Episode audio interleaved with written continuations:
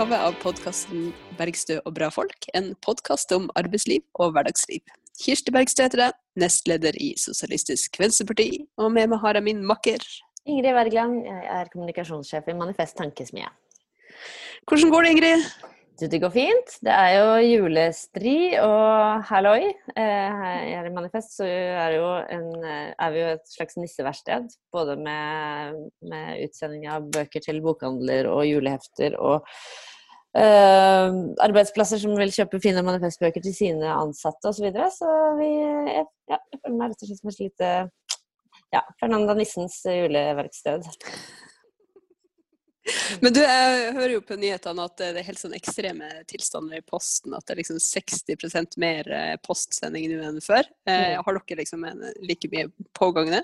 Ja, ja, vi merker det veldig på, på vår distributør, da, Forlagssentralen, som er de som sender ut til, til bokhandlene. De, de jobber bokstavelig talt og dag for å sende ut. Så, så det er tydelig at eh, både, både altså, Det er jo veldig hyggelig at folk kjøper mye bøker, da, men det er jo også veldig mye netthandel. Så det, det er mye styr. Men det lover jo godt for alle som kan vente seg noe god lektyre til jul, da. Ikke sant? Det er jo oppbyggelig tid.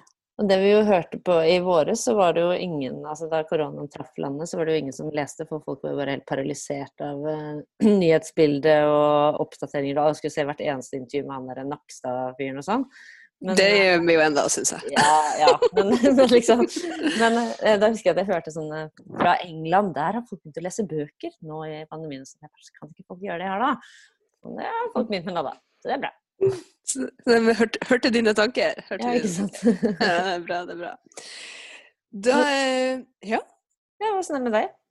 det, du, det er ganske greit. Um, jeg har eh, jeg driver og jobber med det her arbeidsprogrammet til, TSV, SV, eh, og det som eh, er siste liksom, utvikling på den fronten, er at jeg i løpet av den siste uka har behandla nesten 2000 endringsforslag til programmet sammen med en komité.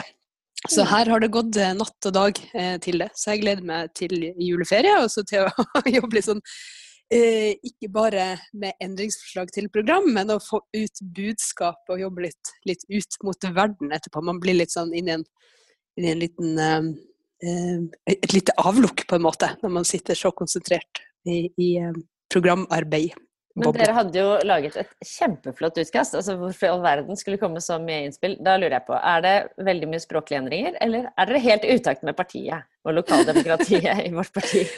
Nei, det er jo ofte sånn at noen vil eh, ha inn sine ting, sine favorittformuleringer. Og, eh, og liksom perspektiv man er opptatt av. Så det er jo det er et omfattende program. Så det er jo eh, flere som har, eh, har eh, forslag til, eh, til ulike forbedringer på, på ulike måter. Men jeg kan jo bare avsløre at ikke alle blir foreslått eh, eh, vedtatt, eller innstilt eh, vedtatt. Det kan jeg bare avsløre med det, med det samme.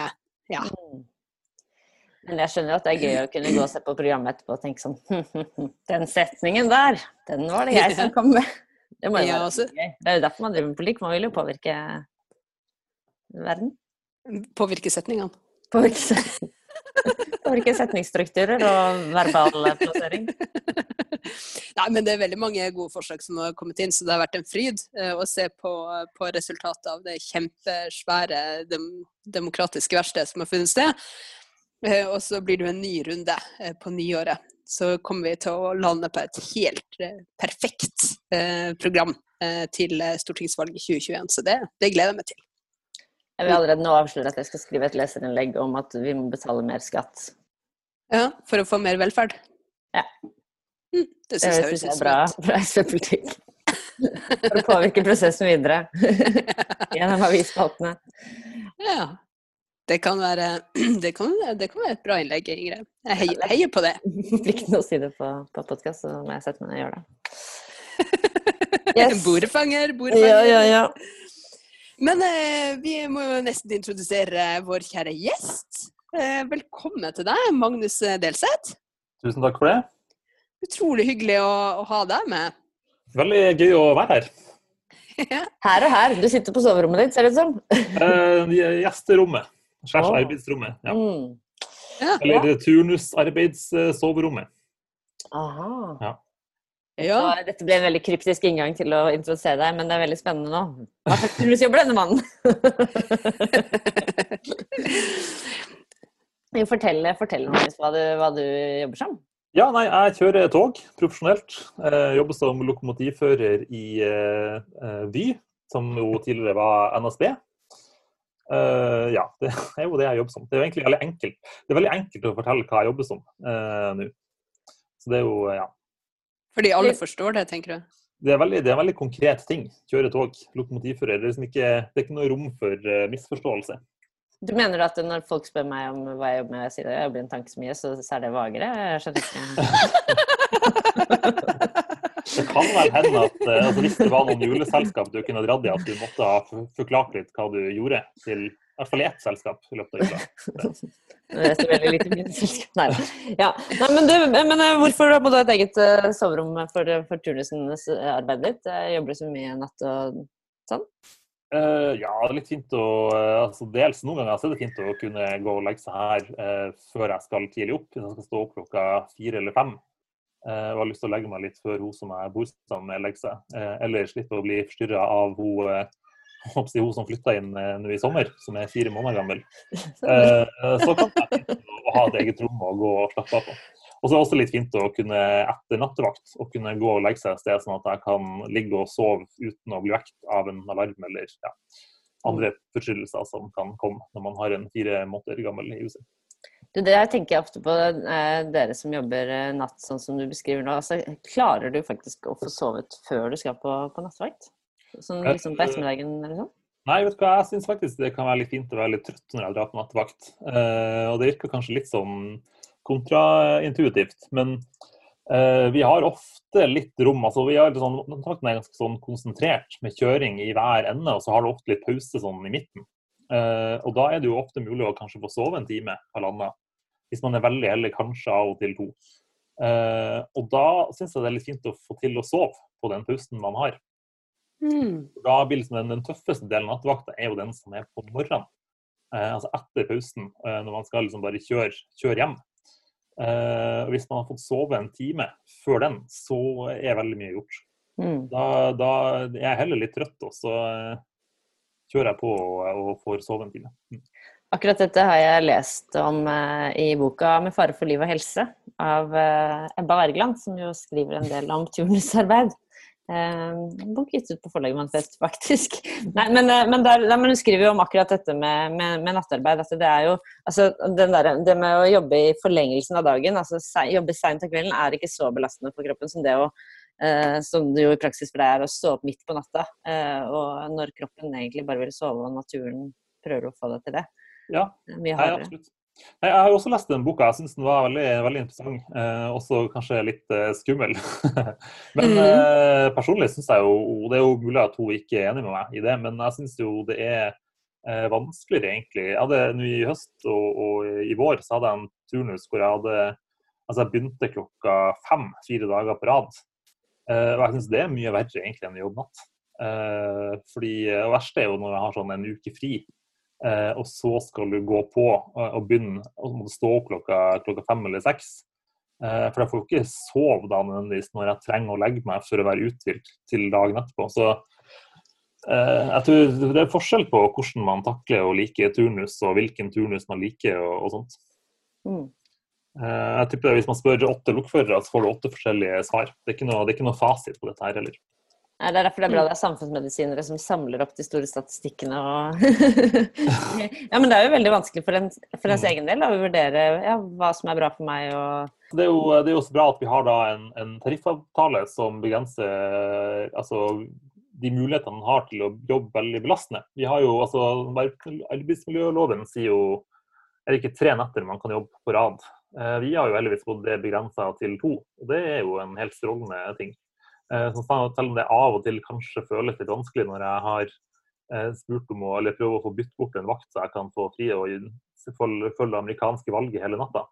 Eh, Men prisen for det er å jobbe en ekstra natt, så det blir tre netter på rad. Og så går ikke det, og så får jeg ikke med meg valget likevel. Så, så er jo det bra sånn i det lange løp, da. eh, At det er noen sånne begrensninger. mm. Men nå er du egentlig inne på det med å kunne være med på å påvirke sin egen turnus. Og så eh, påvirke ja, Ha medbestemmelse på, på, eh, hvordan arbeidstid og arbeidsdag skal, skal, legges opp. Du er jo organisert, Magnus? Ja, det, jeg er ikke den ene som ikke er organisert på min arbeidsplass. Det, det kan jeg bekrefte. Altså Lokmann, eller Lokomotivmannsforbundet, det, det har vel eh, ja, blant de, de, fagforeningene med høyest organisasjonsgrad uh, i hele LO-familien, uh, så vidt jeg har skjønt? Ja, det, det vil jeg tro. Den offisielle er vel sånn 99,9, så det er vel bedre enn det Saddam Hussein fikk i sitt siste valg.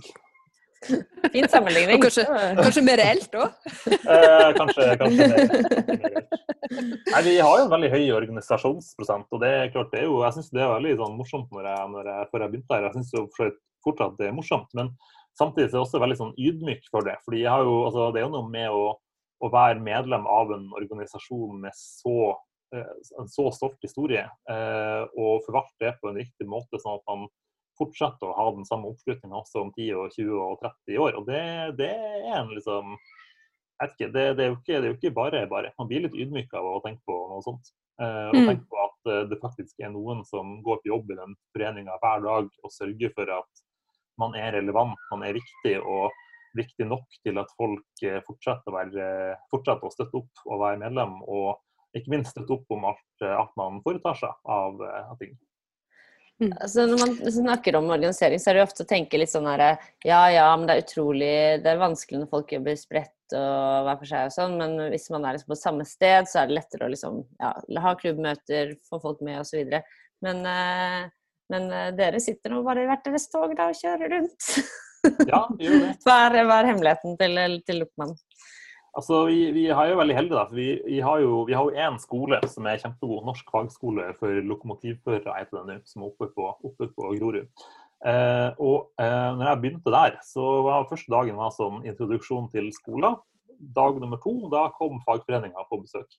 Eh, og da kommer jo foreninga og altså Det er jo halve sentralstyret tropper jo opp.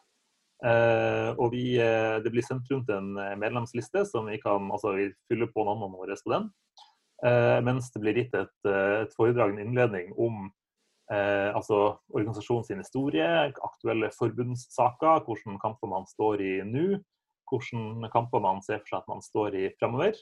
Eh, og, og, hvorfor foreninga er riktig, og ikke minst eh, den viktige fortellinga om at alle er medlemmer, og, og hva, det, hva, det, innebærer for uh, muligheten til å være med å påvirke og ha makt over sin egen hverdag. Uh, og det er klart at det gjør et veldig inntrykk da, når du starter uh, dag nummer to i en helt ny profesjon, og du uh, møter altså, en sentralstyret og du blir får utdelt hver sin sånn fagforeningspins i en slags sånn seremoni hvor man er oppe og hilser på, på nestlederen i, i, i forbundet. så det er jo en veldig sånn det er en veldig god introduksjon. da. Mm. Veldig fin velkomst. Men når det, altså det en ting var da vi hadde NSB, vi er jo strengt tatt mye av det samme som NSB, men eh, altså allerede så godstrafikken i Norge har jo vært, eh, har vært privatisert eh, en god stund. Har denne fragmenteringen av togselskapene ført til at det har blitt en mer sånn det, det, har ført, det har vel ikke ført til en fragmentering av utdannelsen enn så lenge? Nei, heldigvis ikke. Vi har fortsatt én skole. Dette var jo noe man streika for i 2016. Eh, så var det en stor streik hvor man fikk inn i tariffavtalene at, eh, og også i eh, anbudsdokumentene fra departementet, at, at det skal være én skole, en nasjonal standard for opplæring av lokomotivførere.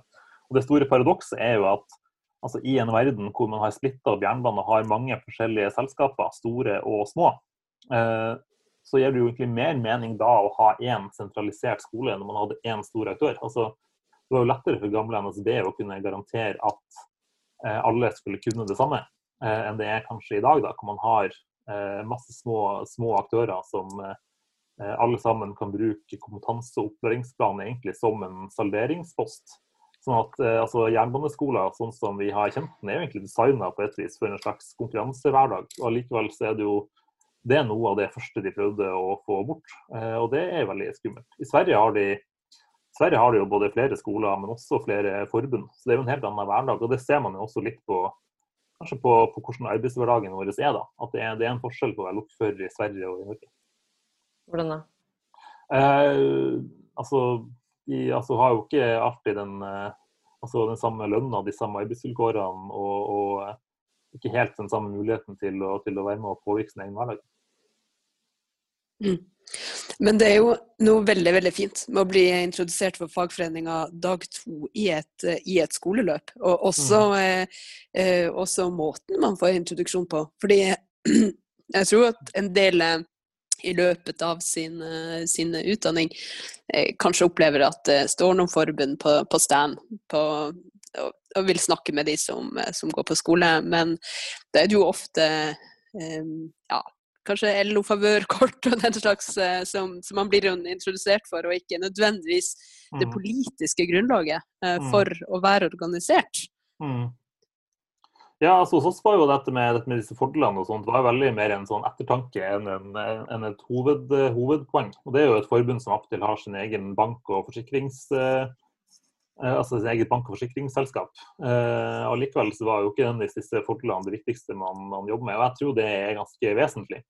Eh, at, at, det er hverdagen til folk det handler om. Altså, jeg synes jo det, det, er jo det er veldig altså, Venstresida er jo kanskje av og til litt opptatt av dette med liksom, lønn og fordeling av penger. og eh, og, og fagbevegelsens betydning i, i, lønnsdannelsen. Og Det er klart det er jo kjempeviktig, ikke minst for de som fortsatt tjener altfor dårlig, også i Norge.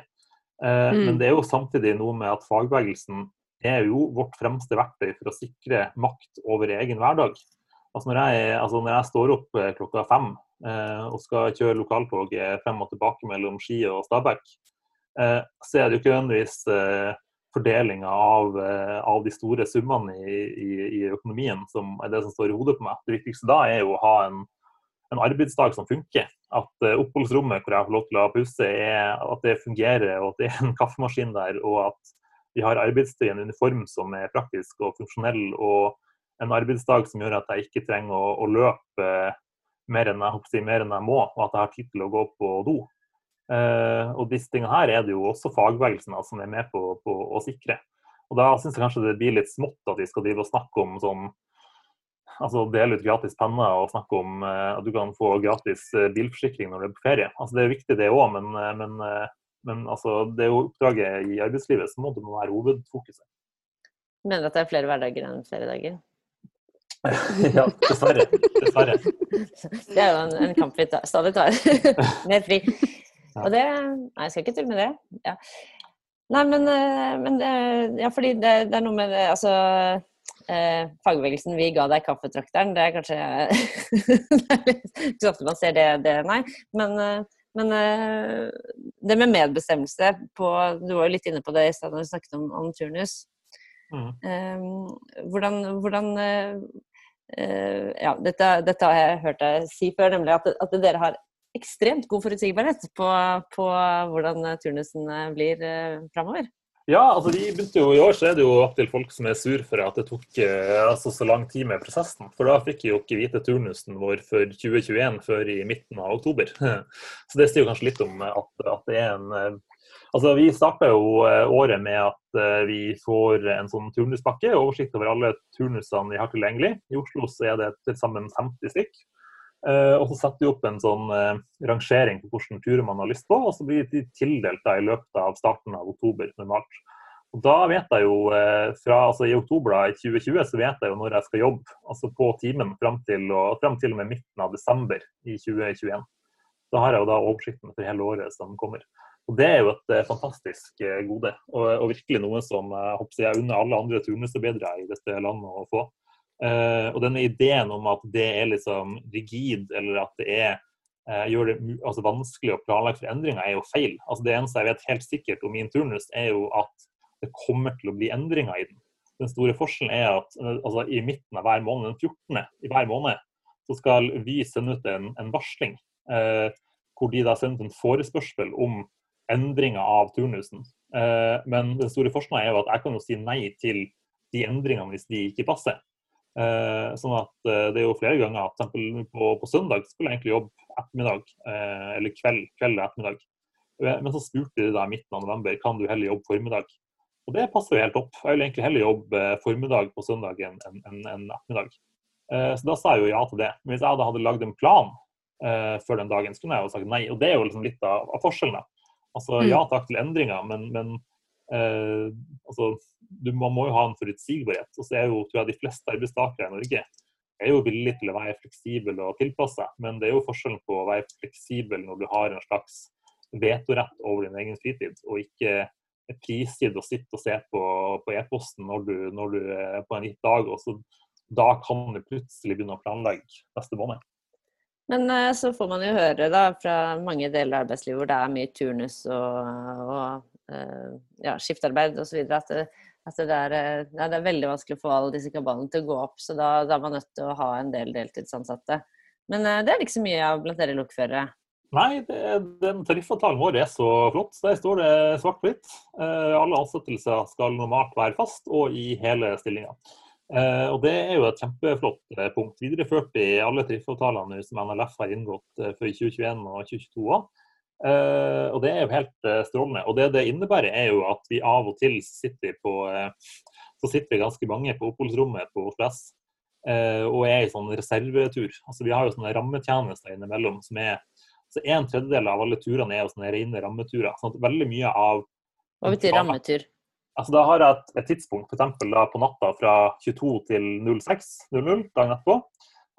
og innenfor den ramma så kan Vy disponerer meg sånn som de vil, både på, på kort og på lang sikt. Eh, sånn at hvis noen blir syk, eller hvis noen eh, skal på kurs, eller hvis det er en medarbeider som taler, så kan jeg gå inn og ta en hel, hel eller deler av turen til en kollega som har noe annet man skal gjøre. Eh, og, og, og, innenfor den ramma så har jo Vy da selvfølgelig styringssett og, og, kan disponere meg sånn som de vil. Men hvis eh, de vil at jeg skal jobbe for eksempel, da Eh, altså avslutte med å kjøre det siste toget inn til Oslo S klokka halv sju, så må de spørre meg om det på forhånd. Men betyr det at uh, hvis du da, da du ble spurt om du kunne jobbe formiddag istedenfor ettermiddagen denne søndagen, mm. uh, hadde sagt nei til det, så ville de løst det med alle disse rammepersonal, Eller, hvordan, eller hva gjør man? Da kunne jeg forsøkt å løse det med en ramme, ramme ja. Kunne mm. Eller spurt noen andre. Det er jo mm. også mm. Mm. Og det er, det er veldig, en veldig velorganisert uh, arbeidsplass. ja, ja, det er kjempefint. Og så er det jo, uh, er jo prisen, altså, vi snakka dette med, altså med, med, heltid og, og, og sånt. Og, og, mm. litt av konsekvensen at vi har hele stillinga, er jo at av og til så er det ganske mange som sitter og har ramme samtidig. Uh, og det hender at det er noen dager hvor man faktisk ender opp med å ikke gjøre noen ting. Og dels er det helt nødvendig, fordi at hvis man ikke har noen som er i beredskap på Oslo S, så må man jo innstille et tog den gangen noen blir syk eller noe skjer. Eh, men dels er det også et utslag tror jeg, av at vi har en heltidskultur i selskapet. Og Det betyr jo kanskje at svaret på mye av også ufrivillig deltid f.eks. hos sykepleiere, er at vi må være villige til å ansette noen flere. Eh, og det er, jo, det er, jo, kanskje litt der kampen står. da. Altså Hvis vi hadde hatt en, eh, altså muligheten til å bare ha oss på nulltimerskontrakt og ringe oss inn når det var mulighet, så kunne jo ha så kunne bare jeg ikke ha satt opp noe arbeid på den søndagen, og så ringte de meg inn hvis de fikk bruk for meg. men det er klart at det, det er jo ikke en det er jo ikke en bra måte å gjøre det det er jo i hvert fall ikke en måte å gjøre det på hvis man tenker at kvalitet og faglighet er det som skal prege tjenestene. Og det er jo kanskje særlig viktig i et yrke der sikkerhet eh, er avgjørende for, for, både din og ikke minst alle passasjerene sine, mm. sine opplevelser av, av turen. Mm. Vi har jo hatt eh, en samtale med en bussjåfør eh, for, eh, for, for, litt siden, da, da de var i streik, og, og, som kunne fortelle at det blir stadig hardere press på den tida som de har for å kontrollere og, og sjekke at uh, sikkerheten er i orden før de skal starte på turen. og der det også fortelles om et voldsomt regime for um, ja, kunne rapportere om, om, om, om, du har vært på do, eller hva som er grunnen til at du kanskje var ett minutt sein fra en holdeplass. Hvordan opplever du, du, de utfordringene i din arbeidsdag, Magnus? Eh, akkurat eh, Nei, de, de, de, kjenner jeg ikke sånn veldig på. Det er jo et, kanskje et press fra arbeidsgiver om, om, å endre på det. Noe, altså det, det, det, kjenner jeg egentlig ikke noe særlig til. Men vi, Altså, hvis jeg må på do, så går jeg på do. Det er liksom helt klart. Og det lærer vi jo i opplæringa at uh, altså, det er jo bedre å være forsinka og gå på do enn å sitte og være tissetenkt og kanskje gjøre noe feil. Altså, du, altså, det er jo en sikkerhetsrisiko å måtte gå på do uh, og ikke få lov til det. Uh, og denne regimet på, altså, på forsinkelser. Altså, er forsinkelser oppstår jo. Det, jeg kan jo ikke drive og jeg kan jo ikke la det drive og gå utover og kompromittere sikkerheten til passasjerene underveis. Altså Er man forsinka, så er man forsinka. Jeg får ikke gjort så mye med det på kort sikt. Men der har man kanskje rutiner da, for å gjennomgå kontrollen før avgang og sånt? Eh, absolutt, den har vi. Og den er fastsatt i altså Man har egne sånne, sånne oppsatte og avtalte tider på hvor lang tid altså uttak og sikkerhetssjekk og tog og sånt skal, skal, være. Og det finnes ikke en eneste lokfører som vil kompromisse med det. altså det her ligger jo også da på opplæringa. Eh, og en av de tingene som er så fint med å ha én sentral jernbaneskole, er jo at man får veldig en sånn sikkerhetskultur innprenta under huden allerede fra første dag. Altså Min eh, yrkeslojalitet eh, ligger jo veldig til den opplæringa gjennomgått sammen med eh, altså et knippe av mine kollegas. Og eh, den sikkerhetskulturen som man får der, da, kommer veldig under huden. Eh, og, og, du får liksom lært inn fra allerede fra dag én at det er sikkerhet som gjelder først. Eh, tar sikkerhetssjekken av toget før jeg skal ut og kjøre det, tar det lengre tid enn det som er satt opp, så får det heller bare være. fordi vi kjører ikke ut med tog som ikke er sikkerhetssjekka. Eh, og det er klart, det her er jo arbeidsgiver også veldig opptatt og bevisst av. Altså Mine nærmeste ledere er jo også lokomotivførere, kjenner jo til denne dagen, altså hverdagen og vet, vet hvordan det er. da. Um, ja. det, er jo, det er jo veldig få togulykker i, i Norge. Eh, men, eh, men, det er jo ekstremt dramatisk når det skjer. Da er det jo, mm. det kan jo være mange, mange døde og skadde. Og det er jo, det er jo veldig mektige krefter eh, i sving, da. Mm. Er du ikke er du ikke engstelig for det når du kjører? Jeg, synes, jeg, jeg, jeg mener, jeg blir redd av å bare kjøre bil. Men man kan jo skade folk, liksom. Det, det, mm. det, det syns jeg er et enormt ansvar. Og det er jo bare en liten ja, jeg var litt engstelig. I, i, I, sommer så hadde jeg jo først tre uker ferie, og så hadde jeg to uker med, med sånn eh, eh permisjon fordi dattera mi ble født. Så da var jeg jo fem uker og, og, altså ute, ute, av jobb eh, og uten å kjøre. Eh, og da var jeg litt engstelig den første dagen på jobb. Da var jeg liksom da kjente jeg var ganske anspent, altså. Men eh, altså, man har jo en god, god, og trygg opplæring i bunnen. Har mange mange timer med øvelseskjøring sammen med kjørelærer. Har testa masse av de liksom, farligste scenarioene i simulatorer. og altså, Jeg føler meg veldig forberedt, veldig gjennomtrent og veldig trygg. Eh, og veldig at jeg har en tillit da, i eh, altså, utøvelsen av yrket. At det er jeg som sitter i lokomotivet og eh, altså, kan lese og forstå situasjonen, og dermed også den som tar de beslutningene jeg tar. Uh, og enda, altså Jeg har aldri opplevd at noen har kommet og stilt spørsmål til meg med sånn Men hvorfor, hvorfor gjorde du sånn? Hvorfor gjorde du ikke noe på en annen måte? Eller Hvorfor valgte du å kjøre så sakte der det forsinka toget med to minutter? Altså, det, disse, disse, spørsmålene kommer aldri, da. Eh, jeg håper jo alle at vi kommer dit heller. Eh, men, men eh, sikkerhetskulturen i jernbanen er kjempegod. Eh, og det tror jeg begynner med en altså, autonom og eh, si, selvhevdende eh, yrkesgruppe som blir utdanna på jernbaneskoler og er trygg og sikker fordi man har medlemskap i Lokomotivmannsforbundet i, i bunnen. Fra dag to.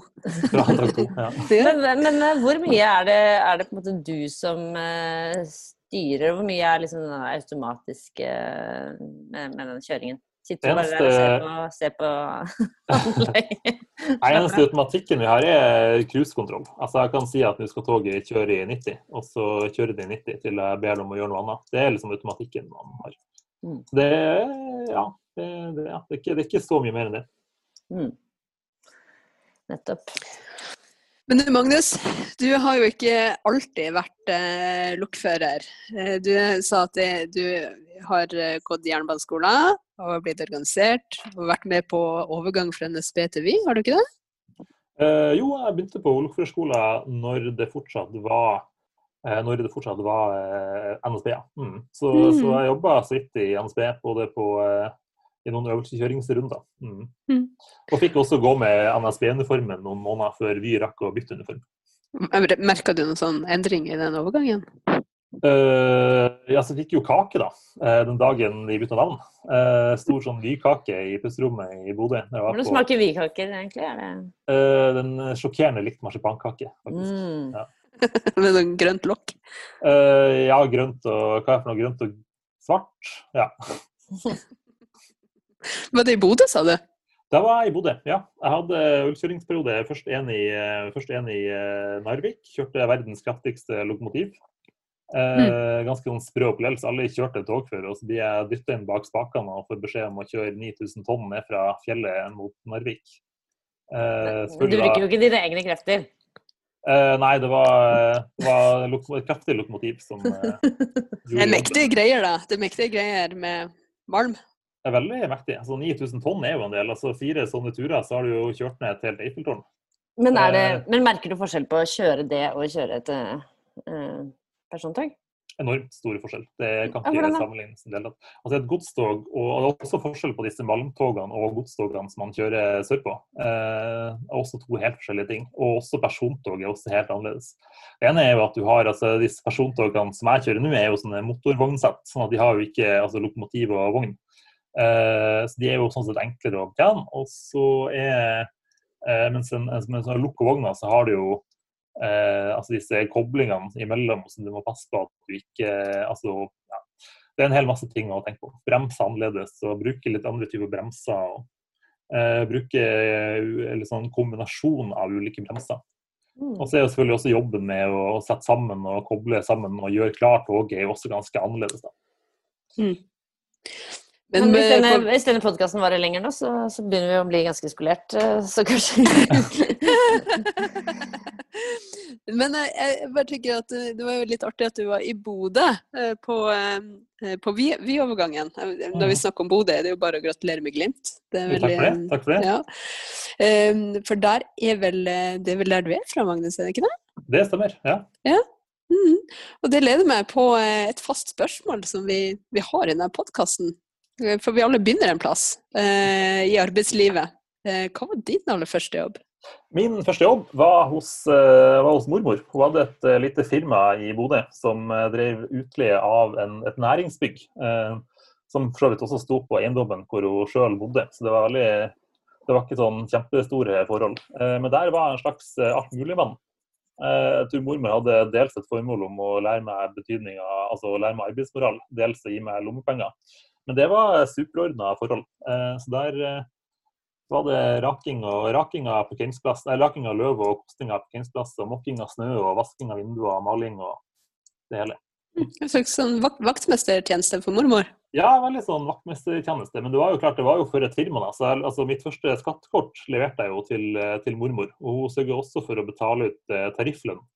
Så hun hadde en sånn fastsatt tariff. Jeg vet ikke helt hvor hun fikk den fra. Men jeg fikk i hvert fall gradvis mer penger etter hvert som jeg ble eh, eldre. Eh, så det var jo veldig stas. Eh, og så fikk jeg også da etter, at, etter oppgjøret da, som man måtte kvittere på, så fikk jeg også da utdelt kaffepenger. Det var ikke tariffregulert. da. Men det var en veldig sånn fin introduksjon til arbeidslivet. Og så fikk jeg også da, ikke minst da, det er jo kanskje det jeg har satt mest pris på i etterkant, så fikk jeg også av mormor min politisk oppdragelse. Fordi altså, alle pausene var jo altså, initiert og igangsatt av mormor, og sammen med henne. Eh, og oppgjøret ble artig utdelt sammen med vafler. Eh, og da fikk jeg jo ulike formaninger om eh, altså den kampen hun hadde stått i og tatt og vært med på eh, for et eh, trygt og seriøst arbeidsliv og, og, eh, og en oppbygging av en velferdsstat etter krigen. Men hva er det hun, hva er det hun hadde gjort? Som Eh, mormor var eh, Arbeiderpartipolitiker, hun satt i, styret, jeg satt i bystyret i Bodø i mange år, i flere perioder. Var også første kvinne på fylkestinget i Nordland, og er jo en av disse damene som har gått foran og, og gjort en kjempeinnsats lokalt med å endre en del holdninger. Når hun begynte i bystyret i Bodø, så fikk hun jo beskjed om at hun eh, altså måtte gå med skjørt og skulle sitte i sosialkomiteen. Eh, og det syns hun var ganske tåpelig, fordi hun eh, foretrakk å gå i buksa. Eh, og hadde jo ikke greie på sosialpolitikk. Hun var jo god på økonomi, siden hun var, altså jobbet i et revisjonsfirma. Så hun insisterte på å sitte i økonomikomiteen. Og fikk det jo selvfølgelig sånn som hun ville. Eh, så hun, hun, ble det, hun ble det fått som vilje, ville, mener du? hun gjorde stort sett eh, det. Så det var mormor som lærte meg at hvis du, altså hvis du vil endre på verden, så har du en, et plikt og en ansvar for å gjøre det sjøl. Eh, og Mm. være den forandringa du har lyst til å, til å og, og trua, ikke minst trua på at politikk er nytte, og at politikk hjelper, og at det går an å endre verden rundt seg. Sterk opplæring fra mormor der, men du valgte ikke samme partiveien som hun. Eh, nei, det gjorde jeg ikke. Hun prøvde seg. Jeg fikk eh, mye sånne eh, flyers og sånt fra, fra Jeg snakka jo om henne før jeg meld- meldte meg inn i SU i sin tid. Eh, og da hadde jeg vært å samle inn masse sånn AUF-flyere og sånt som jeg trodde jeg kunne være interessert i. Men eh, det ble med praten. Eh, så vi hadde heller mye interessante diskusjoner og samtaler om, om ulikt. Så det var egentlig veldig spennende. Hun var iherdig EU-tilhenger, så det var en sånn stadig tilbakevendende prat vi hadde. Det var jo en diskusjon om, om EU. Mm. Du har kanskje ikke blitt noe mer entusiastisk for EU etter jernbanepakker og sånn som kom ut puslende fra Brussel?